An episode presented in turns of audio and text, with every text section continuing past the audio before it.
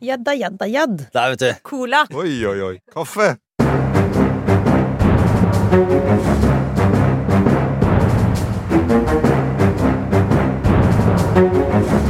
Da kjører vi. Da er vi i gang med en ny utgave av Aftenpodden. Eh, takk for sist, alle sammen. Selv takk, Lars. Ja, for nå er vi her i studio, hele gjengen. Det er jo en sjeldenhet denne høsten. Det har vært mye, sånn, eh, mye turer og ferier og i det hele tatt, men, men nå tar vi ansvar. God dag, god dag, Trine Eilertsen. God dag, god dag. God dag, Kjetil. Hallo. Hei, Sara. Hei, Lars. Vi hadde jo liveshow på, altså, eh, på Sentrum Scene. Det var veldig, veldig gøy. Veldig, veldig merkelig at nesten 800 mennesker kommer for å høre diskusjoner om statsbudsjettet. Ja. Men det setter vi pris på. Eh, Vi, vi er så glad for det, vi. At det, og vi hadde, og det kan jeg bare si, vi hadde utlodning av statsbudsjettdokumenter. Konkurranse, faktisk. Konkurranse hadde vi. Ja, det var kunnskapsbasert konkurranse, og det var, det var utrolig høyt engasjement. Og så kan vi også legge til at hvis noen lurer, da, så legger vi ikke ut opptaket fra den liven. Og det er rett og slett litt fordi at eh, live er best live. Ja. Eh, Men også litt fordi at det er liksom de som kjøper billett for å komme og høre på oss, de er vi jo Vi har jo lyst til å gi dem noe ekstra. at er ekstra. glad i dem. Ja, ja altså de er eh, Vi er glad i alle som hører på, men de som Vi er kommer, glad i alle. er jo Hele landet som vi er så glad i. Ja, Absolutt. Men det betyr jo at det er en ny sjanse igjen i desember eh, for å få denne eksklusive opplevelsen, da. ikke sant? Fordi 13. desember, hold av datoen, så er det årsoppsummering. Da tar vi for oss alt av eh, Altså, ikke nødvendigvis alt, men vi, vi, vi, det er stort og smått. Ikke minst smått. Ikke minst smått. Ja, som har skjedd i 2022, som eh, vi skal oppsummere. Og det blir ganske mye annet eh, krydder og gøy, så, så det håper vi at folk kommer på. Eh, Der er det mulig å kjøpe seg billetter nå, faktisk. Ligger de ute allerede? De ligger ute allerede. Oi, oi, oi. Da skal jeg kjøpe billett, altså. Ja. Du kan få Men- komme, ja. Kjetil. Kjetil har Selv om ikke du er med på bildet. Etter hvert. Fikk dessverre ikke tatt nye bilder av Kjetil denne gangen heller, gjorde vi vel? Nei, så det blir, dette er jo Lucia-dagen, så da blir det vel stjernegutt, da. Ja, ja, ja. Det blir Nei, men det, har jo, det er jo en, en uke der vi får plukka opp en, en tråd fra jeg vil si, denne podkastens spede barndom. Det har fulgt med oss med liksom jevne mellomrom. Så er vi innom eh, selveste byen med stor B, Bergen. Ja. Eh, For der er det på nytt, og dette føles jo litt sånn repetitivt, men det er kaos i Bergen igjen. Ja, det er kaos i Bergen igjen. Eh, eh, det som skjer, og har skjedd, foregår akkurat nå, det er at eh, byrådet går av i disse dager. Roger Wallhammer, byrådsleder, har sagt at takk for meg, nå går jeg av. Utløst av et Altså utløst av noen konkrete saker fra barnevernet, forferdelige saker fra barnevernet i Bergen, som han da sier at Og opposisjonen sier at dette er så alvorlig. Opposisjonen er litt splittet, så de sier enten må byråds, byråden for barnevernssaker gå av, eller som Høyre sier, eh, vi stiller mistillit mot eh, Roger Wallhammer, og, så velger jo han å gå av. Og så er det, ikke, det er jo ikke sånn at um, det bare det, si, ramler inn to tilfeldige saker fra barnevernet. Nei. Her er det jo også altså, en rapport fra fylkeslegen vel, som ser på to konkrete saker som, eh, som er veldig grove, der det måtte, pekes på at her kunne barnevernet faktisk gjort mer. Ja. Sant? Eh, Det er mye historikk her. og det har kommet flere rapporter tidligere om barnevernet i Bergen, der eh, det pekes på at ting ikke har fungert optimalt. Det har liksom vært en, et område som det skulle ha vært uh, fulgt bedre med på, da, vil vel opposisjonen i hvert fall mene. Ja, og det er, jo, det er jo saker av en sånn grad som Altså, det er ikke sånn at det er litt sånn litt svikt i rutiner og kunne kanskje ha gjort litt bedre. Det er dramatiske svikt. Eh, og en av de siste sakene som nå ble omtalt, er jo en syv år gammel gutt som altså ble funnet fastspent eh, i en seng hjemme, og der det fylkeslegen nå mener at barnevernet kunne ha grepet inn tidligere for å hindre at dette skjedde. Blant annet fordi faren til dette barnet hadde tatt kontakt med barnevernet. Og, Dette er, og dette er jo en, det handler jo om en kjerneoppgave i altså det kommunen er der for. Du skal ha noen som fanger opp de barna som trenger hjelp, de som utsettes for, for sviktende omsorg eller på annen måte trenger, trenger at eh, fellesskapet er der for dem. Og det, at det svikter, er jo alvorlig i hver enkelt sak. Og så har du blant annet en sak rundt 2014, eh, Janne-saken, som Bergens Tidende eh, avdekket. Eh, Sånn at det at det var problemer, har vært problemer i barnevernet i Bergen, er ikke nytt. Og sånn at ansvaret ligger der på, på det politiske miljøet eh, fra, gjennom flere år. Og når det da kommer nye saker, så blir jo spørsmålet hvorfor har dere ikke tatt, eh, gjort mer for å få skikk på, på barnevernet i byen? Det har vel også Valhammer erkjent, eller han har vel også sagt at altså, han er på en måte enig i problembeskrivelsen, hvis jeg skjønte riktig. Altså at han også sier at det er, dette er helt forferdelig at det har skjedd. Det er ingen som prøver på en måte å ta bort ingen, alvorligheten ingen i de sakene. ingen bagatelliserer, og det er jo også sånn at de har jo, som de jo skal, så har de jo satt i verk tiltak eh, tidligere og eh, underveis, men når de ikke er, og har hatt effekt så god at dette kan forhindres, da så går jo, sier de da at dette er så alvorlig at uh, vi, vi er enig i den kritikken. Uh, og så er det jo, uh, som du sier Kjetil, det er kjerneoppgaven til kommunen. Eh, og da kommunen blir anklaget for at og byrådet blir anklaget for at dere har ikke løst den kjerneoppgaven, og så sier byrådslederen jeg tar, nå tar jeg dette ansvaret, og så går jeg av. Så det er jo et eller annet i parlamentarisk For det, Bergen har jo parlamentar, parlamentarisme, og også Oslo har, og Norge har. Eh, det er jo de to byene som har det.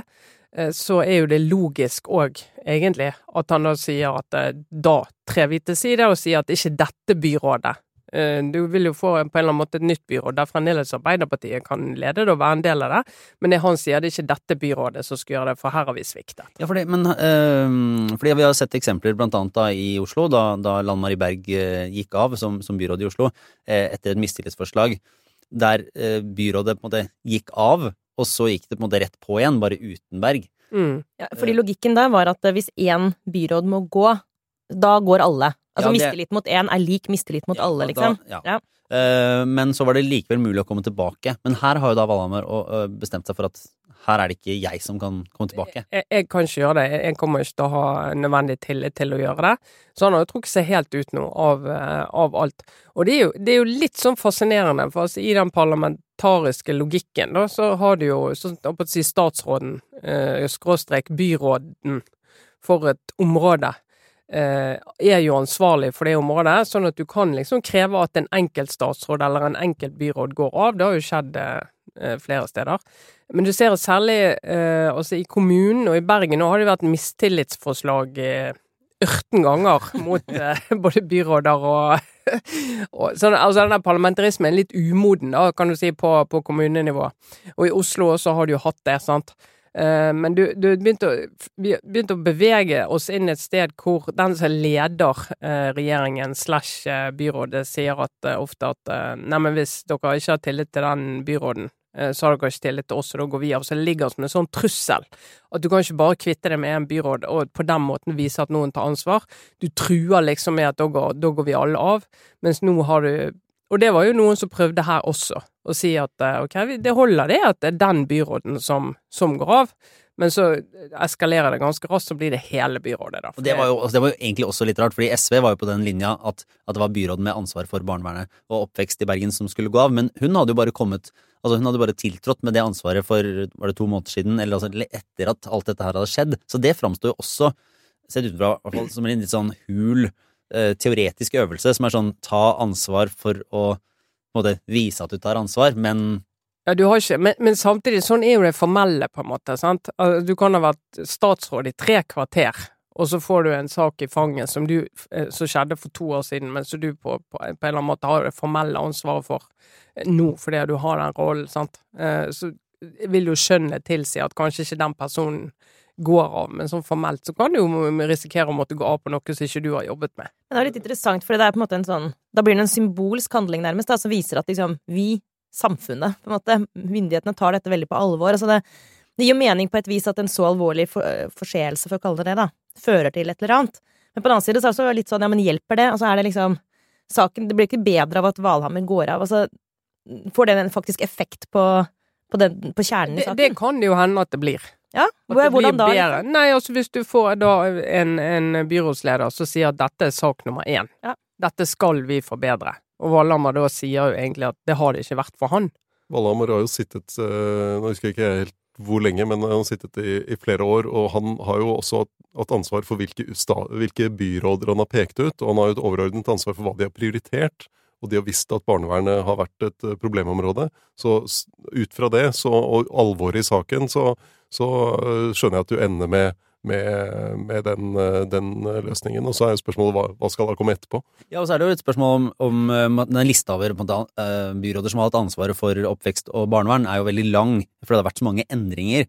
Og så kan man jo spørre litt om er det Roger Valhammer som har på en måte, rota det til, eller er det bare at situasjonen i Bergen, den, sånn, den parlamentariske situasjonen i Bergen, er jo helt utrolig kaotisk. Det er jo nesten Danmark. Altså det er så mye partier og eh, folk som bryter ut her og der og går ut og inn av byråd. og eh, Nå vet jeg kan godt hende at Valhamar kunne gjort det bedre, men det er vel det er nesten et sånn umulig puslespill å få holdt dette sammen. Men du må jo plassere ansvaret uansett. I, når du har en så alvorlig sak, en så alvorlig svikt i kommunen, så må du plassere Du, må, du kan ikke bare da si at eh, ja, hun har bare sittet i tre kvarter som byråd, så det, hun kan ikke ta det.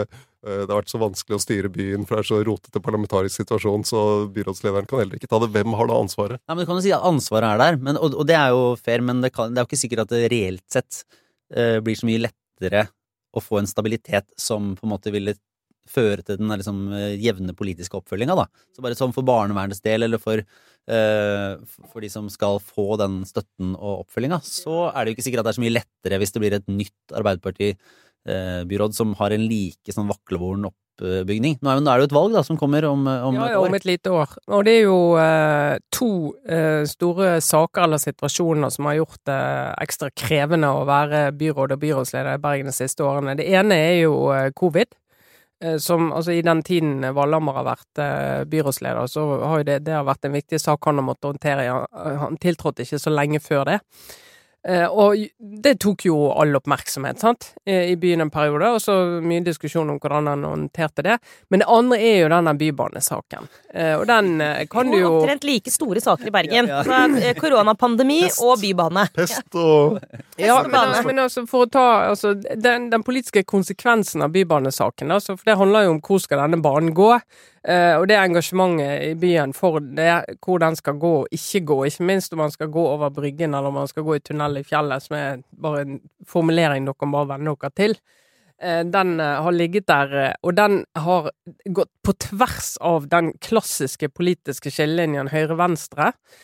Sånn at har, den har gjort at det har vært vanskelig å bygge hva skal jeg si, naturlige konstellasjoner på noen sider av denne streken. fordi at altså nå samarbeider jo Valhammer med partier som har ønsket det samme som han, at han skulle gå over Bryggen, sant? og det er partier som vanligvis, hvis ikke den saken hadde vært der, og så er det på en måte Bergens eh, EU-sak, eh, så hvis ikke den saken hadde vært, så hadde de kanskje de har tradisjon for å samarbeide mer med Høyre, sant. Eh, og da, som har ønsket at dette skulle gå i tunnel, og det har liksom, ja. Men det er bare en trikk, ikke sant? Nei, altså ja, en trikk, men det er nå en bane som går gjennom byen. Og så går det jo an å le av liksom at den Gud, så teit at de diskuterer det. Men altså, du må liksom se på de politiske realitetene i byen, hvordan det preger byen. Og dette er veldig dypt, dypt alvorlig. Og det er mange, mange milliarder kroner det er snakk om. Sånn at mange, alle er jo redd for at du skal ta et feilvalg. Så det handler ikke bare om liksom jeg føler at han bør gå der. Det handler jo også om store, store investeringer og beslutninger. Men, men, er det ikke For det er jo én ting, da, hvis man altså Eirin Eikfjord, politisk redaktør i Bergens Tidende, har jo skrevet en kommentar som jeg vil si at det er ganske hard mot Roger Valhammer og hans politiske arv, da. Mm. Den, den, går egentlig og sier at han er en politisk ubetydelighet som ikke har satt noe særlig spor etter seg i bergenspolitikken i det hele tatt. Den, eh, litt sånn sammenfatta, men det er tøft, da. Men øh, Og så er spørsmålet Det som kanskje kunne sies han uansett ville stå igjen, var vel en faktisk enighet om Bybanen? Ja, ble det det? Ja da, det, ble, det, er en enighet om at den skal gå av Bryggen. Så kan du si det har vært enighet om det før òg. så det er jo det som er litt fascinerende, om at det, den enigheten ofte er litt uh, For det er ikke satt noe spadetak, liksom? Nei, nei, nei, nei, da. Sånn at uh, Ja. Så får vi håpe, da, for Bergens del, at de klarer å, å parkere den saken. For den står i veien for også diskusjonen om hvordan du skal gjøre oppfølgingen av barnevernet bedre. Bare for å ta et eksempel. Ja. sant? Den saken har vært så dominerende i flere valgkamper at den liksom står i veien for oppmerksomheten rundt den, har nok gjort at liksom byrådet siger mot å prioritere den type diskusjoner fremfor kanskje ja, andre som er mye viktigere for enkeltpersoner. Jepp, vi får følge det videre. Nå skal det også, vi skal finne ut hvem som kommer til å ta over, om Høyre faktisk vil eh, påta seg dette ansvaret, som kan være litt uh, ustrategisk. Ja, der er det jo et kjent navn som, uh, som dukker opp igjen. Vi husker Kristine Meyer, tidligere SSB-sjef, byrådslederkandidat for Høyre i Bergen inn mot neste valg, altså neste høst. som sa nok litt ustrategisk, for Høyre i bystyret sier at vi stiller mistillit mot Roger Valhammer. Og så sier Kristine Meyer jeg er ikke så veldig keen på å overta. Så jeg liksom, ja, men hva hva, hva- vil, hva vil du med det? Og så har de på en måte så har hun snudd seg rundt og sagt ja, men selvfølgelig, nå nå, når vi skal peke på hvem vi ønsker, så er det jo en konstellasjon med utgangspunkt i Høyre, da. Men det er jo litt sånn, hun sa jo det hun tenkte. At eh, det passer ikke strategisk for oss å ta det nå, for vi skal til valg neste år. Sant? Og Høyre har jo eh, vokst fint på målingene, mens Arbeiderpartiet har sunket som en stein. Og rekordlav oppslutning i Bergen har vært på under 15 eh, som er ganske katastrofe i en by der de har vært et helt dominerende parti. Det er der de får et problem, da, Høyre. ikke sant? Når de først uh, sier at denne saken er så alvorlig at, Ja. uh, at byrådet må gå, og så er det sånn eh, Men kanskje ikke så alvorlig at vi må overta for å styre byen bedre. Kanskje viktig at vi får bygd oppslutning til neste år. Sant? Det går ikke an å si. Enten må du si at vi mener vi kan løse denne saken bedre, eller så må du ikke si det.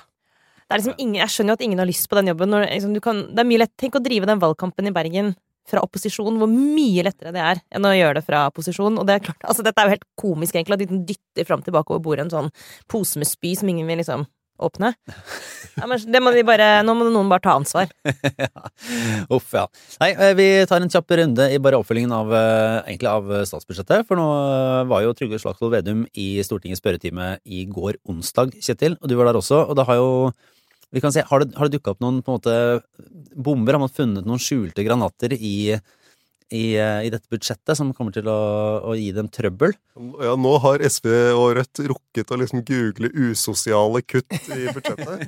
eh, og funnet uh, to stykker. Altså, de ble jo kjent første dag. Eh, Det ene er uh, dette med økt egenandel på medisiner på blå resept. Og det andre er det å endre opptjeningsperioden for dagpenger. Fra de tre siste årene til det siste året. Og det betyr jo at hvis du hvis du har eh, hatt en litt sånn eh, ja, litt variabel tilknytning til arbeidslivet, da, Hvis du har hatt et sånt pauseår, for eksempel. ja, hvis, Ja. Hvis, hvis det siste året ditt sto, mye av det siste året ditt var et pauseår, så kommer du jo veldig dårlig ut av det hvis du hadde, var jobba mer de to årene før det igjen. Sånn at uh, altså Staten sparer nesten 200 millioner kroner, så det er jo noen som ikke får de pengene. Uh, og det kjørte SV veldig hardt på, akkurat den saken. Og Kirsti Bergstø stilte jo i praksis ultimatum og sa at det, dette kan SV aldri godta. Mm. Uh, og, og der Vedum forsvarte det med at de bruker heller penger på en sånn pakke for å få flere inn i arbeid, og så sa han men vi kutter jo ikke i satsen.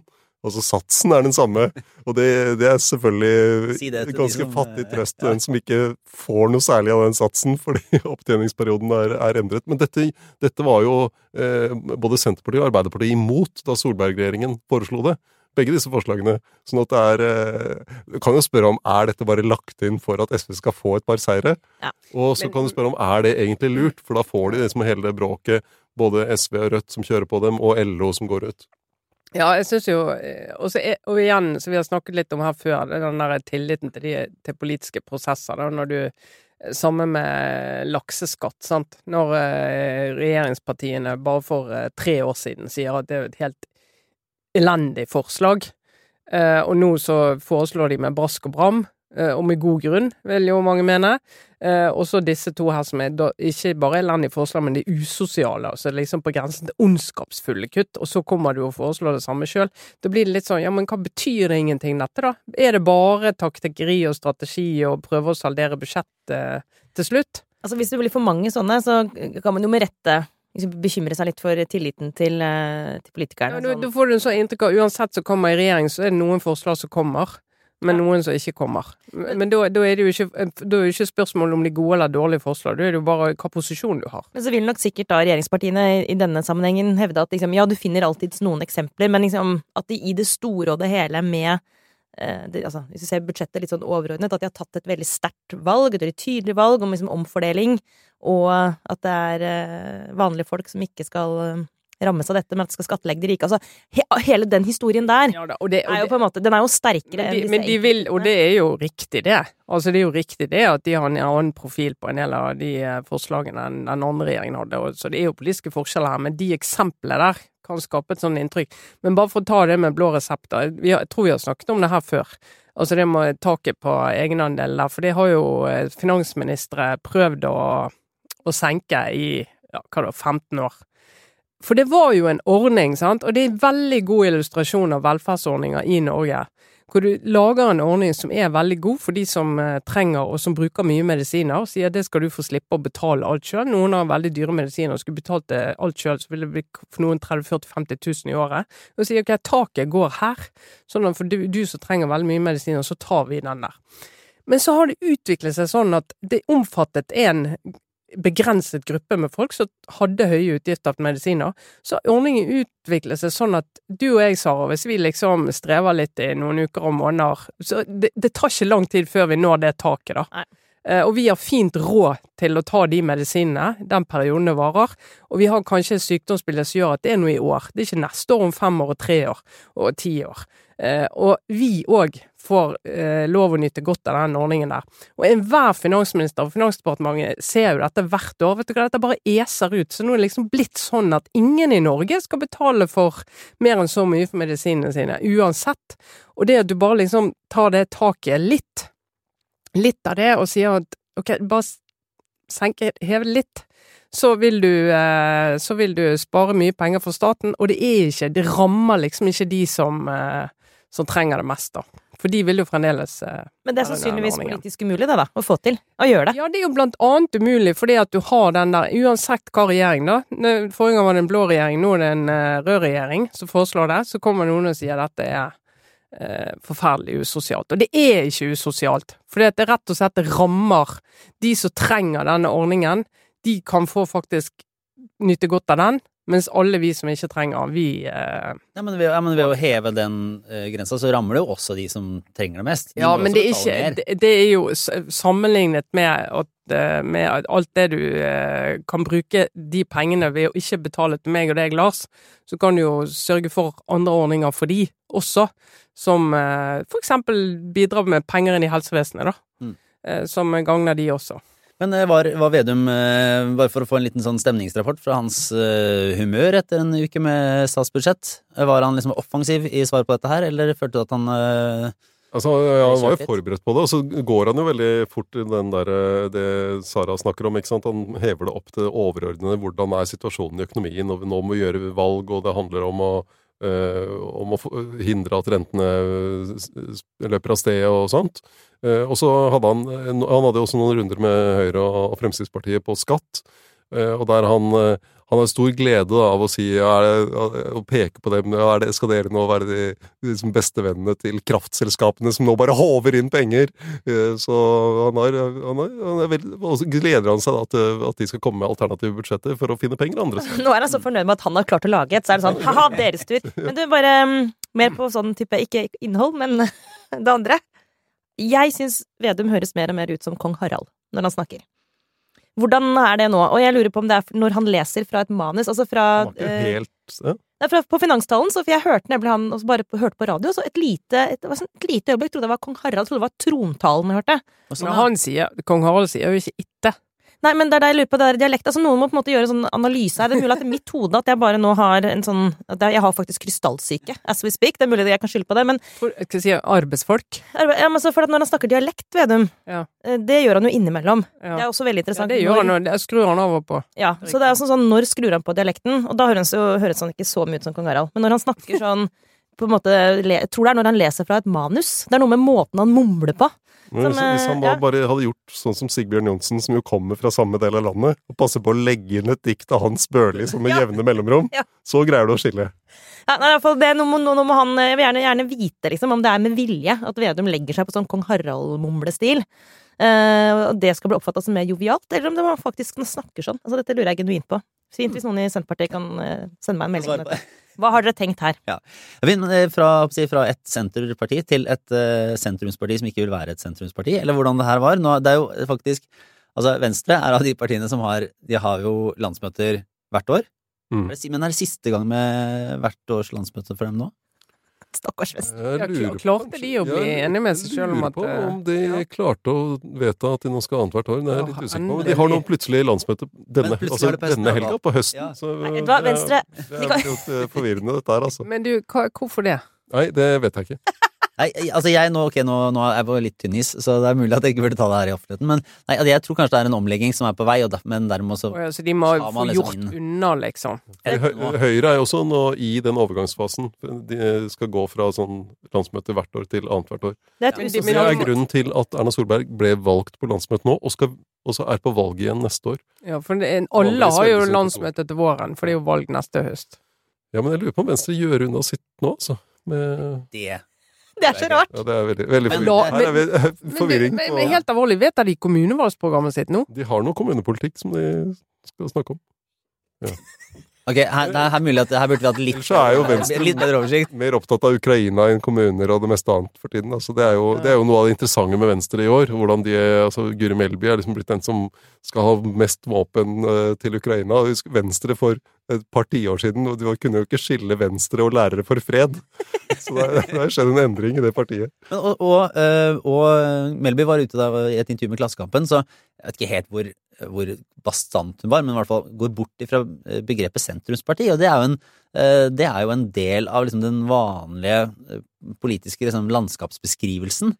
Det er veldig forvirrende, faktisk, det òg. Altså, men jeg trodde jeg leste først den saken som at partiet Sentrum hadde lagt ned seg selv. Det var sånn Så, så skjønte jeg plutselig at ja, det er Venstre som legger ned sentrum. Men altså ikke partiet Sentrum, men sin egen posisjon som sentrumsparti. Men det var uklart for meg hva hun skulle erstatte det med. Ja, jeg tror egentlig det, det hun snakker om er det altså Vi hadde jo den sentrumsregjeringen eh, i 1997 til den ble felt, eh, med Bondevik, Kjell Magne Bondevik som statsminister. og Det var da Kristelig Folkeparti, Venstre og Senterpartiet sammen i regjering. Eh, og hun snakker om at eh, den gamle eh, merkelappen, som hun sier, som skildret eh, som sentrumsparti, som skildret den regjeringen, er ikke relevant eh, lenger, fordi de partiene har mindre felles. De har ikke så mye felles, fordi hun snakker da om eh, altså klima- og miljøpolitikk, eksempel, der Venstre og Senterpartiet står et stykke fra hverandre. Men så sier hun senere i det samme intervjuet at hun mener at, eh, at Venstre flyttet politikk Altså i samarbeid med Høyre i regjering, så flyttet Venstre politikken til sentrum. Så det er ikke sånn at ja, hun liksom avskaffer sentrumsbegrepet, men det er kanskje mest mer, sånn som jeg leste, det er litt forvirrende, men dette også. Men eh, at hun, det sentrumsalternativet er dødt. Men det har det vært siden 2001. ja, for det er vel For det er liksom 20 år, under 20 år som dødt, faktisk. Ja, 21, ja, nettopp, ja, da, 21. gikk, da, gikk jo, da gikk jo de tre partiene sammen til valg som eh, de skulle danne regjering igjen. Eh, Og så ble jo ikke det noe av. Eh, Men så gikk da KrF og Venstre inn i samarbeid med Høyre. Ja, Mens, men, det som er, det som er interessant, eller er et sånn markant skille, er jo at Venstre har jo liksom Det har jo egentlig skjedd en splittelse av det sentrum for noen år- siden, som du sier, men det har jo vært en, en, en veldig klar eh, motivasjon lenge å, skulle på en måte opprettholde det. Litt sånn som MDG, da, som sier at vi er liksom helt blokknøytralt. Og så er det sånn, ja, men i praksis eh, så ender man med å samarbeide mest til venstre. Eh, og, og tilsvarende så har jo Venstre eh, tidligere vært sånn Hele denne runden med ikke samarbeid med Frp, ikke på en måte være så tydelig borgerlig side. Det, det kapitlet kan i hvert fall sies å være Det, det er jo over. Virkelig over, da, ved å, ved, å, ved å snakke om at det begrepet ikke gjelder lenger. Men jeg tror jo, altså med, med det systemet vi har, at du har jo alltid en regjering, med, med unntak av den sentrumsregjeringen, og den tror jeg ikke vi får tilbake i vår levetid, Kjetil. Du lever greit med det? Og håper, Håpe, håpe på det. Det var ganske gøy, da. Ja, det var jo veldig gøy, men det var en Verdikommisjonen, husker dere Det var Verdikommisjonen? regjering totalt uten eh, retning og kraft, eh, som var liksom vinglet frem og tilbake, alt etter hva eh, Høyre og Arbeiderpartiet gadd å støtte på. Men eh, i hvert fall med, med det ordningen vi har, hvor regjeringa utgår enten fra Høyre eller Arbeiderpartiet, det må vi si er litt sånn hovedregel hos oss. Eh, sånn som det ser ut i den fremtiden vi kan se for oss, i hvert fall. Eh, så tror jeg, sånn som for eh, MDG, jeg tror det er veldig lett når du ikke er på Stortinget, også si at du er blokkuavhengig. Eh, altså når du ikke er inne i den diskusjonen der. Men med en gang du er inne i det der, så blir du Da siger du inn i en eller annen retning. Eh, gjennom måten du stemmer på, eller liksom måten der, der du finner ditt politiske familie, da. Eh, sånn at å liksom si at du skal være Vi er blokkuavhengige, det er ingen som tror på det. Mm. Eh, og Senterpartiet og Venstre, jeg ser ikke Jeg ser ikke hvor de skulle sitte sammen i noe som helst som ligner på en regjering. Altså, de er jo Senterpartiet og Venstre, de er jo større avstand mellom de mellom Arbeiderpartiet og Høyre. Ja, eller mellom Venstre og Fremskrittspartiet, nesten. Ja, altså det, det er veldig, veldig stor avstand, og det er, en av de viktige grunnene til det er klimasaken. Mm. som er blitt mye større i de siste 10-20 årene enn det var den gangen når de samarbeidet. Og synet på EU og internasjonalt samarbeid. Ja, og det henger jo sammen, sant? for Venstre henger jo det sammen. Det er jo kanskje viktigste grunnen til at eh, Venstre nå eh, går inn for EU-medlemskap. Endelig. Altså, men bortsett fra hvis, uh, forholdet til fagforeningene, så er det jo mye mer felles med Altså, Arbeiderpartiet og Venstre kunne helt, de kunne funnet ut av det helt greit, egentlig. Hvis de hadde sett Altså, Ja, det er jo akkurat det med Hva slags del av Arbeiderpartiet snakker du om? fagforeningene du snakker om, øh, De som har forlatt Arbeiderpartiet? jeg snakker om den, det ideelle Arbeiderpartiet som Oslo-kommentatorbobla eh, innimellom kan tenke tilbake på med litt sånn eh, sårhet i hjertet. Altså Ja, men- Stoltenberg 1. For mitt inntrykk er at i Arbeiderpartiet så er forakten for Venstre er sånn 50 ganger større enn, for, enn, enn eh, motstanden til Høyre. Ja. Altså de virkelig forakter venstrefolk i Arbeiderpartiet. Ja, det er 100 forakt. Men de er jo enige om de meste, versa, vil jeg si. egentlig. Ja, ja. Nei, jeg tror vi går videre til en runde med obligatorisk refleksjon. Um, for der er det litt av hvert å ta tak i. Eh, kanskje du har lyst til å begynne, Sara? Gjerne. Eh, over til noe helt annet, da. Ja. Eh, nei, vet du, nå eh, prøver jeg å være litt sånn trendfølsom. og få med meg ting. Så nå har jeg sett den TV-serien som veldig mange i min Facebook-krets har skrevet om de siste liksom, dagene. Og det er den som heter The Bear. Som går på faktisk Disney pluss. Som jo ikke bare er en barnekanal, men som også nå har mye bra innhold for voksne. Eh, blant Det- annet Man ville jo tenkt The Bear, også Disney. Så er det en Ja, Ja. Det, nok en gang i sånn krystallsyketilværelse så er det vanskelig å forstå. Altså Det tenker man er en tegneserie om sånn Baloo eller noe sånt. noe. Ja. Eh, Men nei, men Disney Pluss har fått, de har fått innhold fra Hulu, blant annet. eh, Den produsent, eller den kanalen. Men uansett, den serien er jo omsnakket og har masse sånn buzz rundt seg for en grunn. For den er utrolig bra. Men, men la oss bare ta et lite skritt tilbake, da, for de som ikke sitter og er i den trendfølsomme delen av eh, Facebook-verdenen. Eh, Er det, det, har, det har ingenting med en bjørn å gjøre i det hele tatt? Nei. Hva, er det, hva handler det om? med- Nei, det handler om en restaurant. En restaurant? Ja, det handler om restaurant. Og det som er, er at jeg, som noen av våre lyttere som har fulgt nøye med, vet, jeg er jo mest opptatt av virkelighetsflukt eller verdens undergang når jeg ser på TV. Altså, jeg vil enten underholdes av type sånn eh, ja, katastrofer eller drager. Ja. Ja, Mhm. Det er dit jeg, de to tingene jeg går til. Men akkurat dette er noe annet, da. Og det føles overraskende bra, egentlig, å forholde seg til en slags sånn realistisk Altså, dette, dette er rett og slett livet på en restaurant, en familieeid restaurant i Chicago. Eh, hvor vår hovedperson, vår mann, kommer tilbake og skal overta familierestauranten. Og egentlig så høres det for meg helt sånn ufattelig døvt ut, for jeg, jeg virkelig driter i mat. Altså sånn restaurantting. Altså, jeg syns det er så kjedelig. Jeg har aldri lest en matspalte. Jeg kan ikke forestille meg Kjøpe meg en kokebok, for eksempel. 80% av alt jeg spiser, er fra Fodora. Nesten. Eh, for å være helt ærlig. Burde jeg sikkert ikke sagt. Men Så jeg var ikke interessert i utgangspunktet eh, i denne serien. Men eh, så lot jeg meg overtale likevel. Og så er jo hele poenget at denne restauranten, dette kjøkkenet, som store deler av serien utspiller seg på, det er jo bare på en måte et, et ak Akkurat som Altså, du tar en historie som handler om mennesker og menneskelivet, og så putter du det inn på et litt sånn ekstremt lite sted. Om det er et tett kjøkken, eller om det er på en måte Mount Everest. Altså det er et sted hvor ting eh, Hvor eh, omgivelsene dine er så dramatiske at det, alle ting press, og det presses. sånn ja. Kniver og det koker og ja, ja, og steker da blir jo disse flammer. menneskelige, dette menneskelige dramaet blir jo mye sterkere. Her, er- sånn det er setting. sånn Vi skal ha en sånn eh, hva si, eh, kulturelite-greie. Sånn. Det er en serie som du tror det handler om et kjøkken. Det er egentlig ikke et kjøkken. Det er egentlig det store menneskelige dramaet. Ja, men- men- Det er som vi altså- sa da vi prøvde å forklare Trine om, uh, om drager og sånn. Det, Ja. er- det, er, det handler om politikk og makt. Ja, ja, det gjør det. Ja, Det gjør det. Ja, ikke sant. Og så Da er dragen Hva er det, da? Energikrisen? Det kan være så mangt. Nei, men altså, det er jo et sånt grep. Jeg husker jo når Jens Stoltenberg satt på Lindmo og snakket om hvorfor han likte Sopranos så godt. Mm. Så, og og det, det hadde enorm klangbunn hos meg, for jeg også åpenbart, og det gjorde jo alle, alle elsket Sopranos, men jeg husker jo hvorfor jeg elsket det, og det var samme grunn som Jens Stoltenberg elsket det. For han sa jo, eh, som leder, altså du har en veldig ekstrem, et ekstremt liv og en ekstrem situasjon, altså mafia, rett og mafiakrig Ja. i New Jersey. Eh, Og alt de holder på med, og det er narkotika, og det er, du vet, drap og straff og alt mulig. Men grunnen til at han likte det så godt, han var statsminister på den tiden, eh, og jeg holdt nå på med mitt, men jeg var nå leder, det var jo de lederutfordringene til eh, Tony Soprano.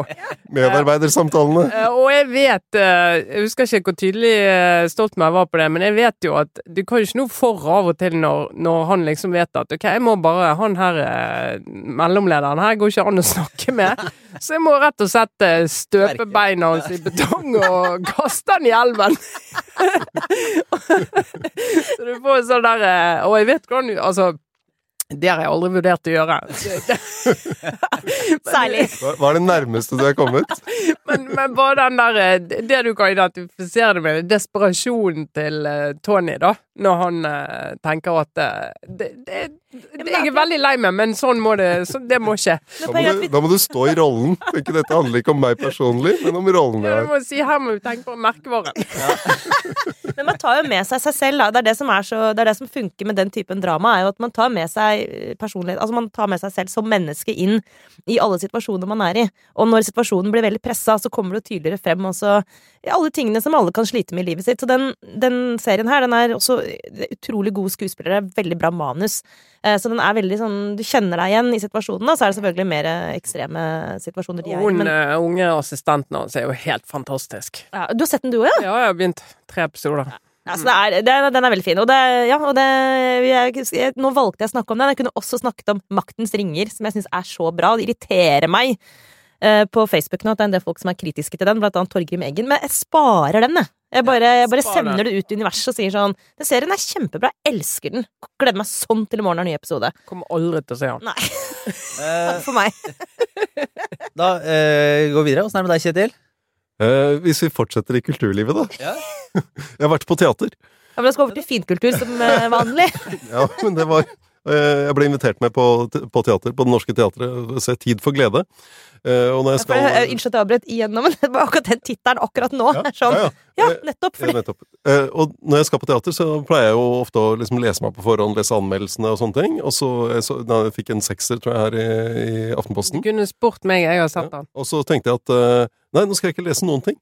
Nå bare går jeg på teater, og så setter jeg meg her, og så ser jeg det, tar det inn. Og det var Men den er helt, helt, riktig på den forestillingen. men den er, he- den er he- helt el- rar, er det ikke det?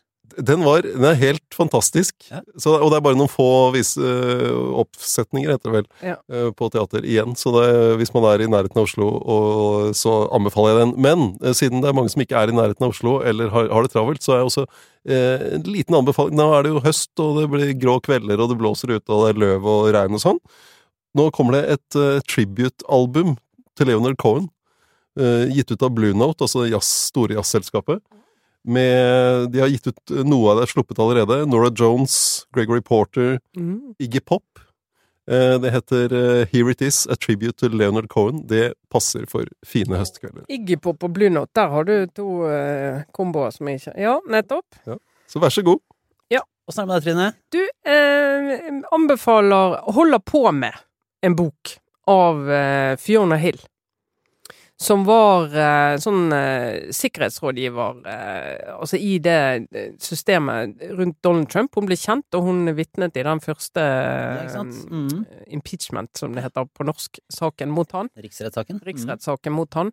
Eh, og fortalte om eh, det indre liv eh, rundt denne Ukraina-situasjonen som var den gangen, eh, som han sto i. Hun har skrevet en bok eh, som eh, heter There's nothing to see There's nothing for you here. Eh, og så eh, leste jeg den fordi den har fått veldig god kritikk overalt. Og så bare tenkte jeg ah, Han ligget litt sånn på, på hylla, på. Han ligger inne i Kindle, og jeg håper alle har Kindle. Men inni Kindle-hyllen min en stund, for jeg har liksom tenkt ikke så maktpåliggende å lese den. Men hun har en veldig veldig fascinerende historie. Eh, Fiona Hill hun er jo eh, født og oppvokst i Nord-England. Eh, virkelig sånn working class-bakgrunn i Nord-England. Eh, hun har hatt en eh, reise, som det heter, eh, via universitetet i England til å ta doktorgrad ved Harvard, Russland-ekspert, det var jo her hun kom inn i dette, og har vært sånn rådgiver for tre amerikanske presidenter. Veldig tung på, på Russland og, forståelsen rundt det. Og har jo en, en posisjon og har kommet til stedet i samfunnet som var helt, helt usannsynlig, egentlig, hvis du så på bakgrunnen hennes. Eh, og den første delen av boken handler om den oppveksten i Nord-England. Handler om det gruvesamfunnet hun vokste opp i, som eh, far og bestefar eh, var en del av eh, hvordan denne deindustrialiseringen av den regionen, hva det gjorde med eh, relasjoner, med selvbilde, eh, med menn i familien, med kvinner i familien, hvordan den lokale infrastrukturen krakelerte og forsvant, eh, hvordan eh, besteforeldrene ble sittende i et hus i en bitte liten landsby der bussen ikke lenger gikk, eh, du hadde ikke, du hadde ikke egentlig penger til å fø deg sjøl og var avhengig av kjøkkenhagen din, og så plutselig så får du parkinson og blir syk så du klarer ikke å gå ut og høste i kjøkkenhagen din. Altså, det er sånne ville ting. På 70-tallet i England, eh, forsterket av Thatcher sine grep på 80-tallet. Men den fortellingen hennes om eh, det som skjedde i Nord-England og i England og i det industrialiserte samfunnet, hun går videre til å fortelle om USA og også Russland. Mm. Hvordan hun eh, forklarer at denne her eh, fasen i samfunnsutviklingen er egentlig bakteppet for mange av disse. Altså, I dette området, 60 av de i Nord-England stemte jo for brexit. Uh, I USA var det de som stemte Trump inn i, i, presidentstolen. Og i Russland så er det liksom lojaliteten til Putin er veldig sterk blant en del av disse som har opplevd dette hva skal jeg si, sviket fra storsamfunnet, da. Mm. Og hun forklarer liksom hvordan dette her har skapt en polarisering som hun ser som en av de største truslene mot eh, ja, si verdensfreden, da. Eh, og eh, bare hennes bakgrunn og hennes blikk på det, og alle de forskjellige stedene hun klarer å se det fra, gjør at jeg, jeg syns den boken gir meg utrolig mye.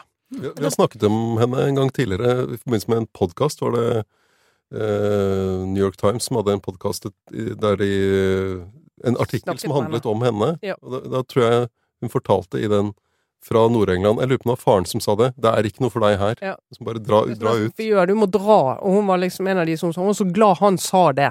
For han så det veldig tidlig. Så de var, foreldrene prøvde å legge til rette for at hun skulle få gå på, på skolen og, og fortelle om det britiske utdanningssystemet, hvor utrolig umulig det egentlig var for sånn som så hun å få lov å gå på universitetet, og du måtte gå på sånne, sånne skoler, og det var liksom Hun forteller om Hun var til Oxford, hun var åpenbart veldig talentfull. Var på sånn intervju på universitetet i Oxford. Eh, og de spørsmålene de ble stilt, og liksom måten sånne som hun ble møtt på der, som gjorde at de egentlig de hadde ikke sjans hvis du skulle komme inn på en sånn intervjugrunnlag, da. Så var det litt sånn, hvis ikke du vet at du burde vært på den middagen i går kveld, mm. eh, og så gikk du heller ut og tok en øl med venner, for du visste ikke at det var helt avgjørende for deres inntrykk av deg, eh, så kunne du bli møtt med sånn Ja, du var ikke på den middagen i går. Og da mm, visste ja. Dette var en venninne av henne, da visste hun at eh, nei, men da, da der var det kjørt. Og det er sannsynligvis for få mennesker i de rollene som hun har vært i, som ja. har den erfaringen med seg inn. Akkurat den erfaringen, og akkurat det der med å skjønne Én ting er jo det formelle det hindrene mot at du kommer videre, men alle de der uformelle kodene som noen har med seg, og noen bare ikke har forutsetning for å ha, sånn at du ikke Du kommer ikke videre, da. Nei, det er veldig jeg kan bare si at den Confidence Man, den nye boka til Maggie Haberman i New York Times, den leser jeg nå. Og den også er jo om Trump fra andre siden inn. Hun er journalist som har fulgt han, en av de som har fulgt han tettest uh, av alle journalister i USA. Og hun forteller uh, historien om Donald Trump, men hun begynner interessant nok også med barndommen og oppveksten. Mm. Og, uh, og, går egentlig gjennom Selvbildet, sant. Ja, og liksom oh, bruker ja. det Altså, hans selvbilde kan forklare utrolig mye. Så jeg tror den også er med på altså, man vil, Hvis man vil forstå hva som egentlig skjedde i Det hvite hus de årene der, så er den også veldig, veldig god. Virker det som. Jeg har lest en tredjedel omtrent, men den er um, hun, hun, vet, hun vet hva hun snakker om, for å si det sånn. Ja. Jeg, skal, jeg, skal, ta det hjem. Det er blitt din rolle, Lars. Ja. ja. Det er ikke helt hjem. Det er ikke, sånn, eh, det er ikke småbarnsliv og sånne andre dølle ting. Det her er bare en, en oppdagelse jeg gjorde av et tilbud som nå fins eh, i Norge, eh, som er det at man på ulike bussruter så kan man nå kjøpe seg sete ved siden av. Altså du kan reservere sete ved siden av for at ingen skal sitte der. Endelig det, det her er her, her, her, mener du at her er nok gruppa delt, Lars? Her er nok gruppa delt. Og det, altså, for det første, én ting her, Vi kan ta den til sida først. da. En ting, Det er litt sånn Tusenfryd-aktig, da. At på en måte, hvis du kan liksom, kjøpe deg fri fra andre mennesker, er, er sånn definisjonen på at sånn, uh, pengene rår. Men jeg mener også, og jeg skal, tilgi, det er liksom, jeg skal anerkjenne, det er bra forretningstankegang. Men er ikke det her liksom et sånn Det svekker eller på måte, det tar bort noe av det som er det norskeste av norske, som er en sånn derre småpassiv-aggressiv ensomhet. Altså, du, som setter opp den derre Legge sekken i setet ved siden av, ser litt sånn uinteressert ut. Altså, alle de der små du, får- tingene. Du, får, du får ikke rom for det lenger. Nei, jeg tenker at de bare kjøpe seg fri fra noe av det, som, noe av det vi hadde. noe som Kjøpe seg fri fra å oppføre seg som uh, asosial eh, Ja. Ja, som er sånn, dette, dette var jo en del av de vi er i Norge. Vi vil ja. sitte aleine ved bussen, men du skal ikke trenge å Betale for det, liksom. Du må, Ja. du må bruke din liksom eh, passiv aggressivitet, eller litt sånn tverrhet, til Ja, men- å hindre det. Det, det, det her lurer jeg på hva du syns, Trine, for du er jo Ja. legendarisk god eh, til en sånn stille avvisning. Vi har jo et eksempel fra, fra en av de mest sånn sosiale anledningene. Å ja, altså, da, men da var det sånn watch and learn. Når Trine klarte å sitte i baren og vente på meg på et hotell i Bergen under mediedagene i Bergen, Mm. uten mobiltelefon. Og da skulle ja, du og jeg ja, og vi skulle snakke sammen, og øh, vi skulle ha litt sånn kvalitetstid, litt vi-tid, Trine. Det er altfor sjelden vi har det. Og Ja. så skulle jeg bare opp og skifte. Tenkte jeg sånn, Det er helt sjanseløst at når jeg kommer ned igjen, så er du okkupert av absolutt Altså, hele Medie-Norge var der. Men kom ned, så satt du fortsatt alene på et lite bord i baren der. Men du hadde, ikke, men du hadde ikke betalt? Du, hadde, Ja, ikke- du hadde nei, ikke kjøpt nei. setene rundt? Og, og det er klart, altså for sånne som meg, jeg trenger ikke betale for å, for å sitte alene. Jeg klarer å signalisere det med mitt blotte nærvær. Der har jeg problemer. Så der var Ja, for du, du ser jo folk inn i øynene og smiler bredt, og da har du det gående. Ja, nettopp. Ja. Fader, ass. Det er det. Er det. Men, er- men er det sånn at alle her eh, kunne tenke seg å benytte seg av det tilbudet? Ja, ja. Altså, fordi at jeg klarer ikke jeg, jeg, jeg er jo sånn Du ser det som en slags brems mot deg selv? Eller hva skal jeg si? En, Altså, jeg et bolverk mot uh... Jeg trenger hjelp til å holde avstand. Jeg er sånn som Jeg blir, jeg blir bestevenn med alle frisørene mine, sant. Eller jeg, ender opp med å Jeg kan ikke ta en taxi uten at jeg liksom blir kjent med barn og barnebarn og storfamilie og til sjåføren. Altså, det blir Det er umulig for meg. Altså, jeg, jeg, jeg, for meg er det der en sånn Det er livsnødvendig hjelp. Slippe, for jeg klarer ikke å sette opp en sånn et sånt fjes. Jeg kommer til å kjøpe sånn for det, Og jeg blir jo også dritsliten av å ikke få tid for meg selv. Jeg er jo ikke så ekstrovert, egentlig. Jeg har faktisk behov for alenetid. Jeg bare får det Så det aldri. er litt sånn som når du har personlig trener, for du har ikke selvdisiplin nok til å trene. Ja. Så kjøper du personlig trener som kan hjelpe deg å trene, for du vet at hvis ikke du har det, så blir det ingenting. Nei, Det blir, det blir en versjon av det, på en måte. Ja, ja, Kjøpe alenetid på bussen. Det, er, kommer, er, det er, er, skjer. det er det ikke hyggelig å sitte ved siden av på bussen, da? Nei! Nei, det, det er sjansespill, eh, Lars. Det er sjansespill. Ja, ja, nei, men nå er det i hvert fall det, det Ja, da er, nå er det i Men, hvert fall men kommer du til å kjøpe en sånn billett, eller ikke? nei, jeg er ikke Du er imot. Du, men kommer du da til å liksom si nei? For du er litt sånn typen som vil tenke nei, nå er jeg spent, kanskje det setter oss ned et hyggelig menneske. ja. Og så er busstur på syv timer, da. Og så setter det seg ned et menneske, og det, så du kan ha rett, men du kan også ta feil. Og det er fremdeles seks og en halv time igjen. ja, men så mener jeg også litt sånn det er jo samme som jeg, jeg har jo tidligere her i, i denne podkasten gått ut med at sånn gravide damer som klager over at ikke de får sete på bussen. Mm. Uh, det fikk jeg noen reaksjoner på. Men jeg mener at det er jo faktisk mulig å si, hvis det er mange ledige seter på bussen, si sånn Unnskyld, kan jeg få sitte alene? Jeg Nei, det går ikke. Nei, ikke i Norge! Nei, det, nei, det, det er altfor direkte. Nei, det er det ingen som gjør i dette landet her. Det Da setter du jo opp sekken, da. Da setter du sekken der. Ja, ja, ja, det vil jo alle egentlig forstå, da. Så jeg mener, ja. Ja, altså, Men, det, men nå, nå på, den, på grunn av denne eh, pandemien, det, det har jeg sett masse på trikken.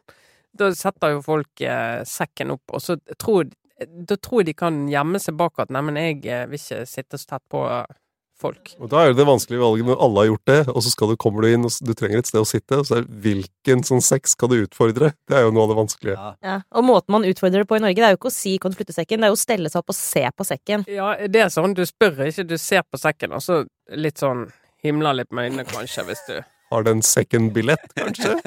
Og da kanskje den har det! Ja, jeg betalte 150 kroner. Det står et lite skilt der det står 'Jeg er asosial og kjedelig'. Å, herregud, det er jo enda verre hvis det kommer en og spør kan jeg sitte her. Nei, sekken min har billett. Ja. Da virker du jo helt ko-ko. Dette her åpner en dette, Jeg skjønner at vi må runde av, Lars, men dette merker, altså for at, eh, hvis du har kjøpt den billetten ved siden av deg, hvordan skal du få fortalt det til folk? Det, det, det jeg har sett, det står et lite skilt det gjør det det? Ja, det står et lite skilt. Her sitter et rasshøl. Ja. Så det bare Det syns jeg er å ta i. Her sitter en som trenger alenetid, Sara. Kan du heller stå. Så begynte sekken med en liten lapp. Ja, ja. Uansett. eh, vi eh, får runde av og, og si at eh, takk til alle dere som hører på. Dette er jo en åpen episode som går ut til absolutt alle. Eh, men vi er jo Hele tilgjengelig hele verden. Som vi er så glad i. Bortsett fra er deler av den. Eh, og er jo da, vi er tilgjengelige da de si, tre andre ukene i måneden eh, hos Podme og i Aftenposten-appen. Så vi håper jo at alle abonnerer og, og følger oss hele veien. Og så minner vi om da 13. desember blir det årsoppsummering på eh, Sentrum Scene i Oslo.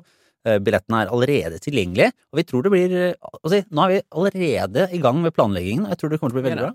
Jeg, tror, jeg, jeg vet allerede nå at det kommer til å bli bra. Etter, bare etter de planene vi har lagt, eh, Lars. Ikke sant? Så det er helt trygt. Og så er vi tilbake neste uke. Takk for følget. Dette var ukens Aftenpodden. Ha det bra. Hei, det er Lars her med en liten rettelse. I den første utgaven av denne podkasten så kom Trine Eilertsen i skade for å eh, beskrive den sikta i saken om denne eh, syvåringen i Bergen eh, som en stefar. Det er jo ikke tilfellet. Det var guttens far som nå er pågrepet i den saken. Og det var også guttens far som tidligere tok kontakt med barnevernet. Så vi har klippet litt for å få det helt riktig i den utgaven du nå har hørt. Så vi beklager det, og nå skal alt være i orden. Marte Spurkland her.